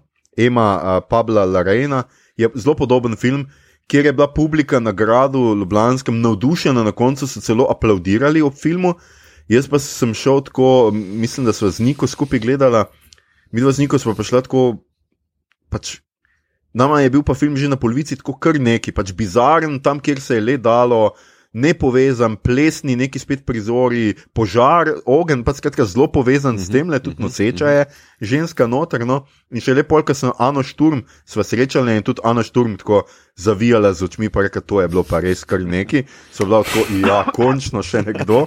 Um, In zelo pogosto imam jaz občutek, da sicer ni debata o tem filmu, meni se vseeno zdi zanimiv ja, film ja. in vse skupaj, ampak zelo pogosto imam občutek, da, da se ljudje da se ljudje zelo hitro uh, ustrašijo tega, da bi povedali, da je nek art film, da se jim ne dopade, mm. zato ker je pomensko tako odprt, mm. popolnoma odprt in ni nič v njem, in se jim zdi, da če bojo boj s tem priznali, da ga niso razumeli. In to je, na, mm -hmm. pač to je največji greh vsakega vem, filmskega, likovnega, literarnega mm -hmm. kritika priznati. Pač, kaj je to za ena stvar, jaz tega ne štekam, brez veze mi je tako. In to, uh, to, mi, to mi pa ni všeč. Moram priznati, da jaz, kar sem bral nekih kritikov teh filmov, v tem filmu se mi je zdelo, da vsi res vlečejo iz posameznega prizora neke interpretacije, ja. ki glede na celoto nimajo nobene uh, smisla. In v tem smislu, samo v tem smislu, pa mhm. v tem konkretnem filmu, pa tako, imam jaz včasih dosta raje dober žanr, ki se ne trudi. Malignant, mhm. recimo, ki se ne trudi zdaj povedati nekaj, ki se ne trudi, ne vem kaj, ampak hoče biti dober žanr uh, kot pa recimo art film, ki, pač, ki, ki, ki, v katerega zmečeš vse svoje vem, sposobnosti, ideje in tako, in na koncu pač rečeš, da to je to, bom, to, bo, to ne rabi pa nič ja, povedati. No. Um, sorry, Igor. Ja. Uh, jaz nisem gledal Titan, ampak to, kar, kar si ti glih kar opisal, kako je ljudi strah uh, povedati, da niso štekali. Uh, sem imel enkrat še, še slabšo, relativno, recimo, temu izkušnjo in sicer na Lifu je bila uh, premjera slovenskega filma Instalacija ljubezni, ki uh, je slab uh, in. Uh, se tudi ukvarja s tem, da, da proba nekako ene, na več nivojih razmerja med ljudmi v eno celoto dati, ki pa izpade kot telenovela na koncu slabše. Uh, in uh, je treš. Ampak, ko je bil konc filma, ne, so ljudje vstali in ploskali. Tudi zato, ker je bila ekipa tam. Ampak mislim, da, da je ja. par dni potem, ko je bil film, ko je bila premjera, potem kasneje v kinu, ne, pa se enostavno vsi pretvarjajo, kot da ta film ni obstajal. Kar pa se mi zdi problem, zato ker uh, vsi, ki so delali na tem filmu, so dobili feedback, to smo pa super imeli, ja. to no, publika naša to šteka. Ne? In ko so šli lahko s tem filmom v tujino, so rekli, eh, to pač najbrž preveč slovensko. Niso zaštekali, ker ne štekajo kulture, iz katere izhajamo in kako močna kritika slovenske družbe je to, pa ni. Um, in, in, in mislim, da, da je tu problem, da, da bi več večkrat morali ljudje reči, da malo to pa ni kul. Cool, um, to pokroviteljstvo nedavno... je najslabše v umetnosti, je to najslabše. Jaz sem, če, če za sebe zapovedal pri mojem delu, jaz sem zelo uh -huh. rad, mhm. ne da mi nekdo prije pa reče, kao, uh, le, tvoje delo mi je ful všeč, kao, ne, le, če jaz to želim slišati, grem do moje babice, razumeš? Povej mi, kaj, kaj si misliš, ali pa kaj si čutil, lahko zasovražiš, lahko, lahko si tik pred tem, da bi plunil na moje delo. To mi je več dalo, kot pa kao všeč mi je. Samo od tega ne morem, veš, kao, pa da nekaj tam lažno aplaudiraš. Ne. Da, to je najslabše, se meni zdi za, za umetnika ali pa umetnika ali pa kolektiv, ki nekaj dela, pa ki želi delati naprej še, pa ki želi zrasti naprej. Ne da pač kritika mora biti ravno toliko iskrena do sebe, pa do avtorja, da je pač tu odkritost posredi. To je vzajemen odnos. Um, mm. ja. Um, ja, eh, to sem hotel reči, da to, to je nekaj, kar ful pogrešam v sodobni kritiki. Nedavno sem naletel na kritiko filma Predsednik, uh, mislim, da iz. Začetka 90-ih, ne vem točno, z katerega leta, uh, ki ga je je scenarij naredil Kavaca, mislim, da ga ni on režiral, glavno vrogo je igral. In kritiko je pa napisal Max Modic in je tak. Ne, to film, ki ne deluje, ne deluje zaradi tega, pa tega, pa tega. Stvari niso povezane. Uh, tale kvace predtem naredil en boljši film in tukaj ga proba kopirati na slab način in tako dalje. Ne? In je res razdelal vse, kar je narobe s tistim filmom in je imel prav. Uh, in mislim, da, da um, je treba pač se dost bolj. Tako loditi, ne samo reči, to je pa za nič, mm -hmm. treš, ne samo reči, všeč mi je, ampak reči, ja. Ok, to je problem tega, zakaj je to tako narejeno, ali je tu razlog, ali ni. No, naprimer, okay zdaj se mi da istočnico, ko bi se vrnil nazaj k teta, ne tita, ne, ne vem, kako se po francosko to bi izgovoril. Um, Ker me zanima, kaj bi od tega filma odvzel, naprimer, pa bi mogoče malo razširil ene druge teme. Ne? Ker uh, v filmu to njeno ubijanje, serijska, slash serijska morilka, ne pelje nikam. Ona v bistvu, vredno, obdržiš noter umor staršev, kar je neko gonilo, motivacija, da ona spizdi, pa da prevzame identiteto, ampak umor uh, tistega tipa na parkirišču, pa potem še one ljubimke, nima veze. Ker ne gre nikam. Pa tudi ni potem na koncu nobenega razrešitve s tem, kako je ona za good person, bad person. Nobene veze nima z ničim. Jaz bi tisto ven spustil, ven vrgo, nima veze. Um, potem vprašal bi se pri tem filmu, kakšno funkcijo imajo ti nadrealistični momenti. Ne? Ker ona nima zgolj titana v glavi, ta titan pa ta. Rečemo, erotičen odnos z mašinerijo ima določene posledice na njenem telesu, um, ki je ona v bistvu, mislim, da uh, ima nek ekskrement olja. Um, mm. Na, na mest mleka iz ja, in tako naprej. Ja. Mislim, vsi, vsi ti nadrealistični elementi noter Jaz se sprašujem, kakšno funkcijo imajo, pa ne vem, če so na mestu ali niso. Zmeden sem pri njih odkrito priznam, ker tudi na koncu, ko se zaključi, ona, če zdaj smem spoilat, ja, I guess. Mm. Ja, ja pač vse le, zlato pa, ja, mogoče na, bo to na lifu. Na lifu, ja, ja. Ne, ne bom. Na lifu. Uh, ne, ne bom, pol pa ne bom. Uh, pa zdi se mi, da mogoče uh, eni elementi noter so res, res odveč. Uh, in jaz mm. osebno mm. bi mogoče svetoval, da se pač bolj skoncentrirajo na tistem bolj um, igralske ali pa odno, uh, na odnose, ker to pa mi je bilo kul. Cool. Igralsko pa mm. ti odnosi med njo in tem najdenim fotrom so mi pa bili zanimivi. To mi je bilo pa ful, ful nov, uh, nova, ne nova fora, zanimiva fora. No? Uh, pač mm. ta prevzem identitete, pa potem kao ona na mesto sina, na mesto hčerke, v bistvu je zdaj ona sin. Uh, mislim, na mesto ženske uh, je zauna moški. Ne, in, veš, take neke fore so mi bile notre zelo, zelo na mesto pa zanimive. Tako da to, tukaj se mi zdi, da je dober film noter, samo mislim, da ima preveč mesa gor. No, ne vem, mm. to je moj feeling. Skratka, zdaj ste poslušali uh, na svete, uh, mitota, ja. kako popraviti film, ki je dobro za ja, palmo. To, oh, to, to me bo enkrat zgriznilo, vidite, da se gre vstajati. Ampak definitivno pač, mislim, če boste ujeli, če imate čas, če ste videli na urniku, pač petega pa vsem gledati, pa si ustvarite seveda svoje mnenje. O, o, tem, o tem se bomo namreč uh, tudi o mnenju kritikov, bom jaz tudi speljal malo pogovor v naslednji epizodi, ki bo o peščenem planetu Dune, ne, ker je tudi, jaz sem zdaj se predvsem ukvarjal s tem, da sem bral negativne kritike, ki so se mi zdele zelo zanimive, kako lahko nekdo trdi, recimo na Letterboxdu, da eno ali pa dve zvezdici temu filmu in sem šel pač brati, zakaj, kaj je poanta. Skratka, tudi o tem se bomo pogovarjali v naslednji epizodi, ostanite cool, uglašeni, cool, cool. tako kot vedno. um, ja, je hotel kdo še na to temo kaj povedati? Hmm. Uh, ja, um, tale film Ross, ravno danes ugotovil v Navoju. Uh, in uh, si ga vsekakor pogledajte, zelo dober. No. Um, tako da ja. Uh, torej, prejšnji film Žulije, dokaj sem jaz bi. Uh, Skratka, so, so, so to še jaz bi ta, teta ne bi, uh, tita ne. Uh, bi vsekakor. Titan je v slovenščini. Okay, no. titan. Um, bi vsekakor priporočal, če uh, že zaradi horor elementov, uh, ki so, uh, ja. kako naj rečem, obrtniško ali pa vse, kako se ti počutiš ob tem, res next level. Uh, ker to pa ti ja. redko kakšen medij povzroči. To pa moram priznati, da me je zvijal, orang. In uh, mm. tu kapo dol režiserki, da pač uh, je sproducirala točno to, kar bi tudi jaz včasih želel v svojem delu.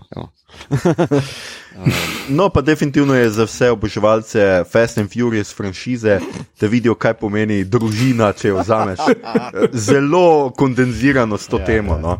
To se mi je zelo dopadlo. No. Tega v Fast and Furious ne boste videli. No. Um, uh, ja, uh, od teh treh zadev, skratka, če zdaj malo pogledamo.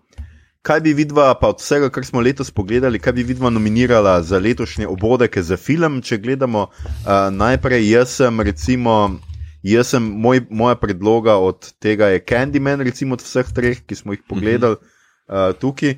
In pa jaz sem še bi predlagal, recimo, Saint Maud, uh, ki smo jo letos uh, gledali, Ja. da se uvrsti na lestvico.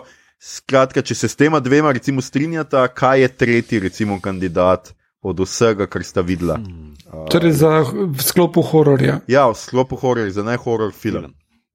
Mislim, še vedno lahko tudi, če imata več kot to, vržemo ker, katerega od teh dveh dol, ampak jaz sem zaenkrat šel sem skozi to, kar smo mi pogledali in imam Candy, Sandyman, Saint Maud in Candyman na, na, med nominiranimi. Ne, to jaz kar podpišem. Priznam pa, da nisem toliko videl, ali pa se zdaj vse ne spomnim, vsaj zdaj ne. No. Hmm. Mm, Hmm. uh, mislim, jaz bi definitivno rekel, da mi je uh, Saint Maud bil najbolj, uh, najboljša grozljivka letos. Um, No, mogoče ni treba zdaj eh, že povedati, kdo bo dobil da, ne, Igor, sej. pomiri se. A ja, ti misliš, da bodo drugi glasovali drugače, se imaš prav, se imaš prav, itak nimaš Seveda, pojma. tako seveda. da.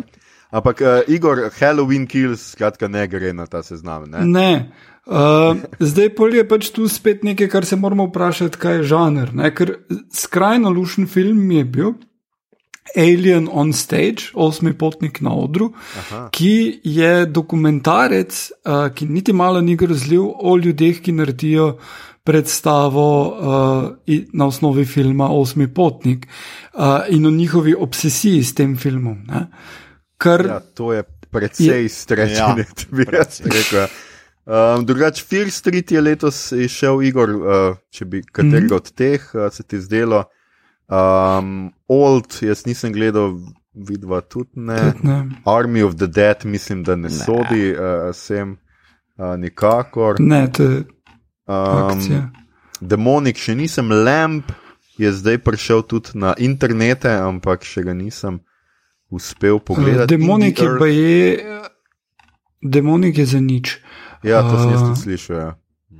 Last Ja. Night in Soho je neke vrste grozljivka. Ne? Mhm. Tako da mogoče malo počakamo, pa tretje mesto prepustimo. Ja, dajmo A, še, dajmo še malo počakati. Ja, jaz definitivno od, od Lamp eh, precej pričakujem. Aha, ne, sem gledal še enega, ki bi ga dal zraven, pa vedno nista. Uh, in sicer She Dies Tomorrow. Aha, daj ste morali. Okay. Bom jaz Zelo, zelo dober napisali, film. Se bomo še potem uh, premišljali do, um, do, do, do novega leta, je še kar nekaj časa. Uh, jaz bom tudi mm. -hmm. moral prej žirijo skupaj sklicati in jim poslati vse te, tudi do takrat, če bomo lahko razmislili. Uh, kaj pa serija? Jaz sem uh, od treh, ki smo jih letos gledali, napisal Midnight mm. -hmm. Mass, Squid mm. -hmm. Game in 30 monedas. Ah, A se vam zdi, da bi kaj drugega dala gor na mest, uh, česar koli od tega, kar smo dodali? Zdaj, serij itak ni, ni to, toliko, ne, horor uh, posebej ne, um, tako da tu ni take. Jaz sem pač pogledal tega, kar smo mi letos delali. Uh, je še tudi, recimo, kaj pa še, I know what you did last summer, je zdaj po. Um, Unem, The Walking Dead jaz absolutno ne priporočam, da gre gor. Um, kaj je bilo še letos takega? Ja, zelo malo loke in ki ni nobeno na zgledu. Brand new še- sherry flavor, tudi najbrž ne. Ne. Dem, tudi ne. Skratka, tukaj, če bomo še kaj posebnega našli, bomo tudi mogoče kaj spremenili, ampak eh, letos smo bili kar pridni in vse, kar se tiče grozljivk, smo precej naredili. Mhm. No? Uh, precej smo Mhm. obravnavali, je pa res, da letos, ki govorim, smo bili itak zelo pridni, ker smo imeli v prejšnji sezoni vsak teden uh, epizodo in smo kar veliko uh, obdelali. Uh, tako da bojo obodeki pač precej res zanimivi, ker bo uh, dosto tega bojo ljudje lahko poslušali no, uh, med nominirancimi od tega, kar smo v resnici naredili. No. Uh, tako No. da.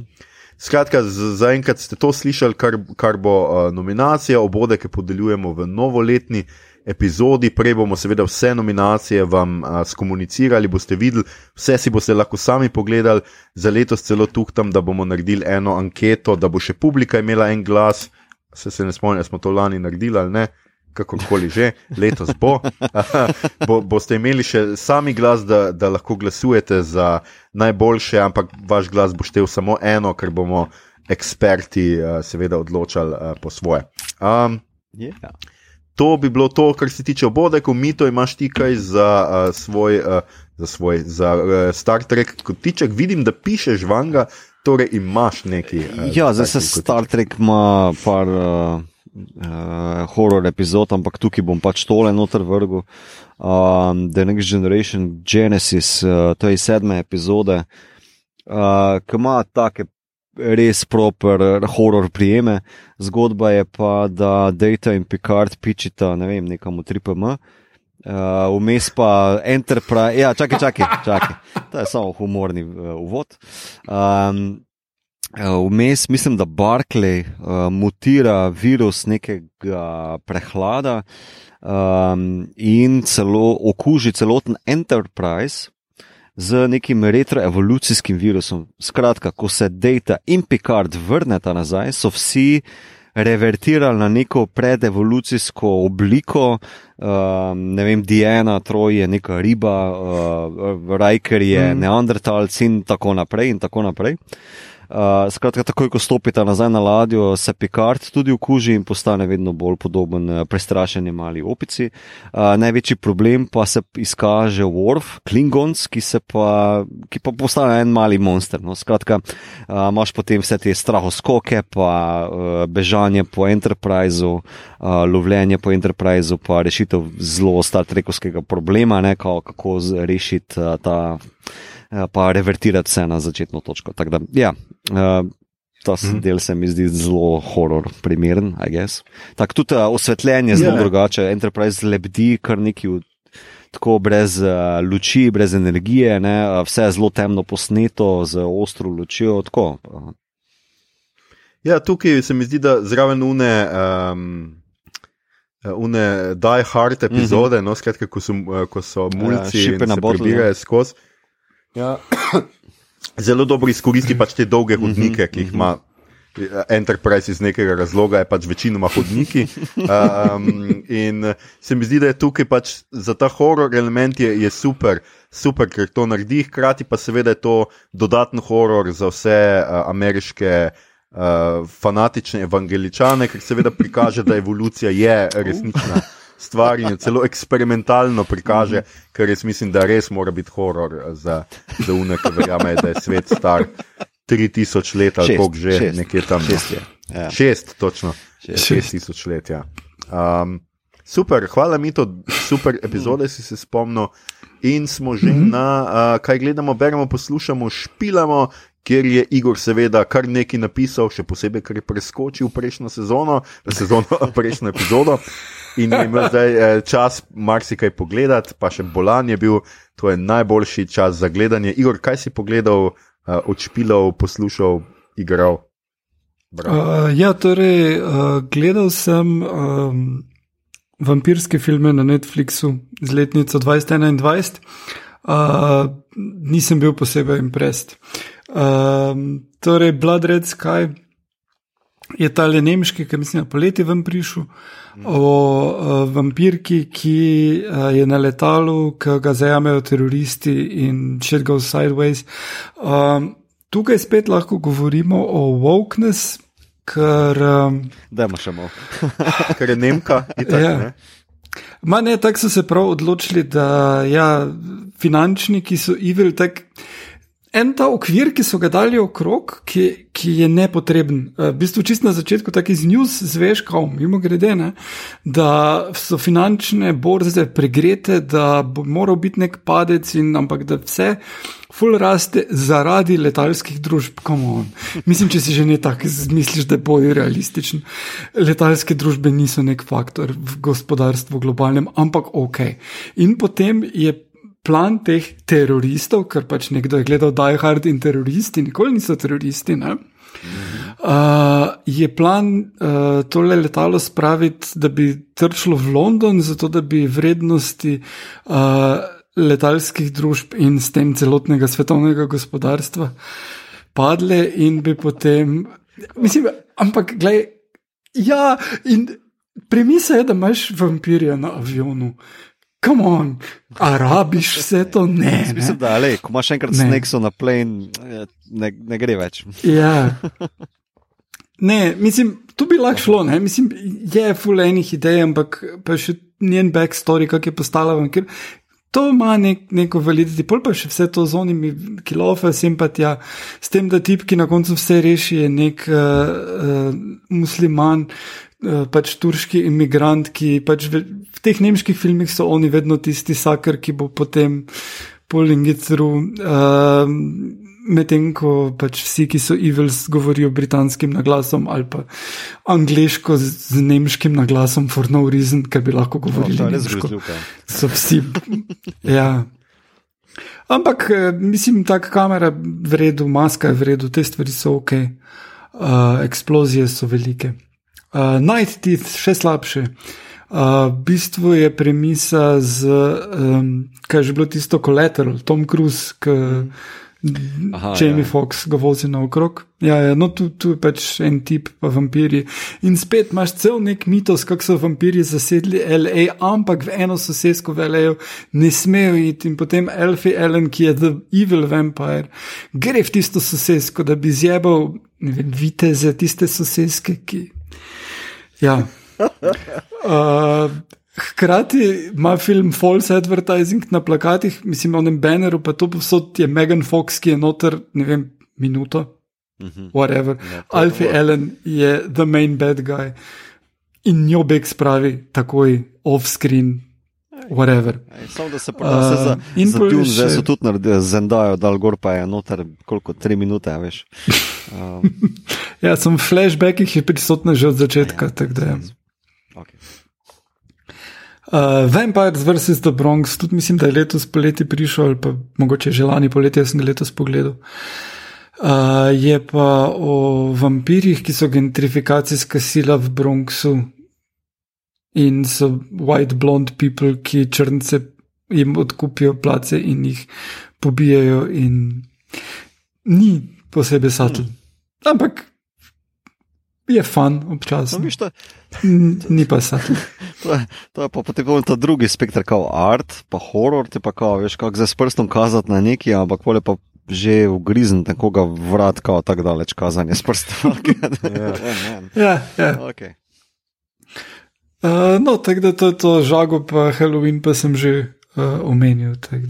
Dobro, No, uh, uh, hvala, Igor. Uh, si pogledal nekaj, pa zelo obdobju primerno, za kar se ti zahvaljujemo. Uh, Mito, a si ti uspel kaj pogledati? Ne, jaz sem bil na dopustu. zadnjič? Uh, pač, danes bom še pogledal to, kar boš ti omenil, pa pogledal sem še uh, prvi del uh, Curb Your Enthusiasm. To je pa Mhm. vse.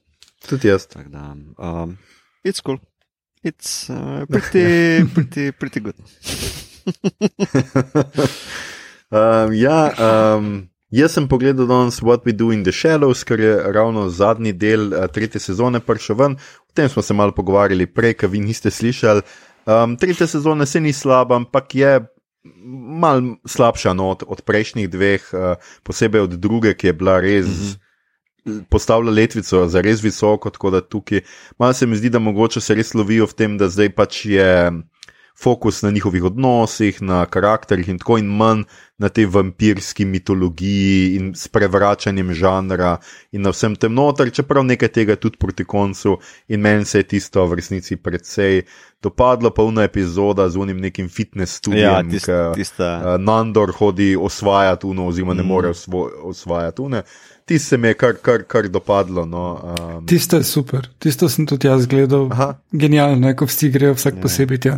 ja, Ja, meni se zdi, da v bistvu mogoče ta sezona, zdaj sem se mogoče si bolj skristaliziral, nekako, uh, ki jih potisne v takšne. Uh, ločene kotičke, ne, kot uh, Nendor in Nadža, uh, imata ta Vampiric Council, preko, medtem ko pa vsi ostali, uh, veš, malo v ozadje padejo. Ne, a veš, uh, Colin Robinson, uh, pa tudi Germo, nekako vsi malo se iščejo tukaj noter, kao, ker nimajo ful za delati. Medtem ko vse tiste dele, ki se jih jaz spomnim, iz cele sezone sta res uh, Nandor pa Nadža, ne, to kako se jebe ta v glavo, kako v bistvu Mm. fura to neko zadevo, pa ta nov stranski lik, eh, te tajnice, da se tako izrazim, uh, Vampirik Councila, uh, pa ti side questi, ki jih imajo non-stop neko. Ampak to je tako bolj, se mi zdi, da res je bolj, uh, malo bolje slapstick kot pa prej. No. Um, ja. Mm. Ja, se, se zelo strinjam. In nekaj podobnega jaz zdaj gledam sproti, sem zdaj na tekočem z patruljo prekletih, se pravi Doom Uh. Patrol. Prejšnja sezona se mi je zelo dopadla, tudi dru- druga mi je bila. Ta tretja je pa tudi spet, tudi tu malo slabša, ker se spet bolj ukvarjajo oni sami s sabo in svojimi travmami. In včasih so te stvari malo premalo kompleksne, malo pač preveč poenostavljene in pač nikamor se ne premaknejo, pač vsi travmirajo iz dela v del in ostajajo pri približno istem, pa se v vsakem delu zdi, kot da so nekaj razrešili, ker je neki psihološki problem totalno personificiran in ne vem kaj. Uh, je pa še vedno. So pa momenti, ki so čista bizarnost in so super. No, v tem delu, uh, uh, v tej sezoni, uh, riti iz druge sezone jih napadajo, pa se mal borijo z njimi. in Tako. Um, tako da pač ene stvari so še v redu, je pa še tri dele do konca, pa bom mogoče potem poročal, ko to, uh, ko to se konča, kajti pač na, gre za HBO serijo in je pač vsak teden uh, epizoda uh, zunaj. Cool. To je bilo to tudi za ta kotiček. Upamo, da ste vi kaj gledali. Če uh, ste gledali kakšno fino grozljivko, grozljivo serijo, grozljivi film, ki mislite, da si zasluži obodeka najbolj prestižno nagrado za žanr v Sloveniji, potem nam seveda javite uh, na Twitterju in Facebooku, pritožite se, kako smo lahko to spregledali in mogoče pogledamo in uh, se strinjamo z vami ali pa. Kakorkoli, gledajte, tudi slepa pa tudi kura, ne. zrno najde. Ali pa tudi ne. Ja. Um, ljudje in ljudine, to je bila že naša 104. epizoda in peti Halloween specialc. Uh, poslušali ste podcast, ki se oglaša na mejo obot, podcast za serije, filme, risanke, špile in knjige vseh žanrov od, od F do Z, ki ga gosti mreža aparatov. Z vami smo bili, Mito, ta dotični film, Gigič. Igor Mojstrovina, Harp in Aljoša Jason je pa res druga franšiza fanta. Harlamo. In njegova ekscelenca, Satan. Muahaha. uh, Wow. Čujem za sekundo, me nekaj Si zmanjkalo. gain uh, uh, na slabo, na štimo na mikrofon. Kje sem že ostal? Ne vem, gled nekaj za sekundo me je zmanjkalo, se prečujem, uh, nadaljujem po scenariju. Uh, tole epizodo smo torej znova posneli na internetih preko metačeta. Vendar nam Zuckerberg ni čisto nič plačal, upamo, da se že z naslednjo epizodo vračamo k snemanju v živo in to res upamo, saj nam grozi no lockdown. Ljudje, če se še niste, dajte se cepiti resno. Skupaj z drvmi se cepite, zima prihaja. Uh, če vam je bilo všeč, kar ste danes slišali, delite, všečkajte naš podcast, naročite se nam preko vaše najljubše aplikacije oziroma ponudnika podkastov. Dajte nam kakšno ceno na Apple Podcast, spremljajte pl- platformo Apparatu z odličnim izborom podkastov za vsakega. In če tole poslušate z noč čarovnic, potem ostanite tako kot ste, ne ozirajte se, ne, ne, čak, mirno, čutite ta dih na vratu, od katerega dobivate kurjo pot, čutite to nekakšno prisotnost v prostoru, kljub temu, da ste bili pripričani, da ste sami, kot bi vas nekdo gledal, nekdo, ki vas že dolgo, dolgo skrivaj gleda iz unga kota. Ne bojte se, to smo mi. Naši glasovi imajo to moč.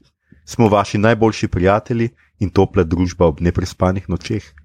Podcast obot, posod, kjer nas poslušate, pustimo svoj glas z jezika. Na Twitterju nas najdete kot podcast obot, na Facebooku in Instagramu kot podcast KM, obot brez pikic. Tja delimo rajce, prikolce, novice sveta, žanra in druge zanimivosti. In tja lahko usmerite vse vprašanja, pripombe, komentarje, erotične zgodbe o vaših BMW-jih, predloge, kaj bi za nas pogledali naslednjič. In tole je bila že 104. epizoda, peti special za nočaronc. In ne boste verjeli, poslušamo se znova že naslednji teden, predvidoma v torek 2. novembra, ni povsem nujno, odvisno od tega, kako se bomo znašli s prostorom snemanja, kako bomo zmontirali epizodo. Govorili pa bomo, dragi moji, prišel je, napočil bo ta trenutek, res je, o filmu Dune oziroma Peščeni planet. Mi predvidevamo, da ste ga vsi že videli in uh, takrat vam bomo, upam, tudi že znali razkriti, kaj vse še pripravljamo v naslednjih tednih, mesecih, do konca leta in naprej, ker pripravljamo veliko finega. Nove priložnosti, da nas poslušate v živo, če ne bo lockdowna, uh, opozarjam že vnaprej. Uh, pa seveda nagradne igre, marsikaj finega, epizode, kaj bomo snemali, o čem bomo snemali, mesec fantazije, ki smo ga že oh, nekaj omenili, yeah. obode, ki pridejo. Uh, skratka, prisluhnite in potem seveda spremljajte tudi naša družabna mreža, drage obodovke in obodovci. Se poslušamo uh, v naslednji epizodi, kdorkoli in kjerkoli že ste. Oh, Dune, star. Fa father, the sleeper has awakened. A ja, ne, to ni to.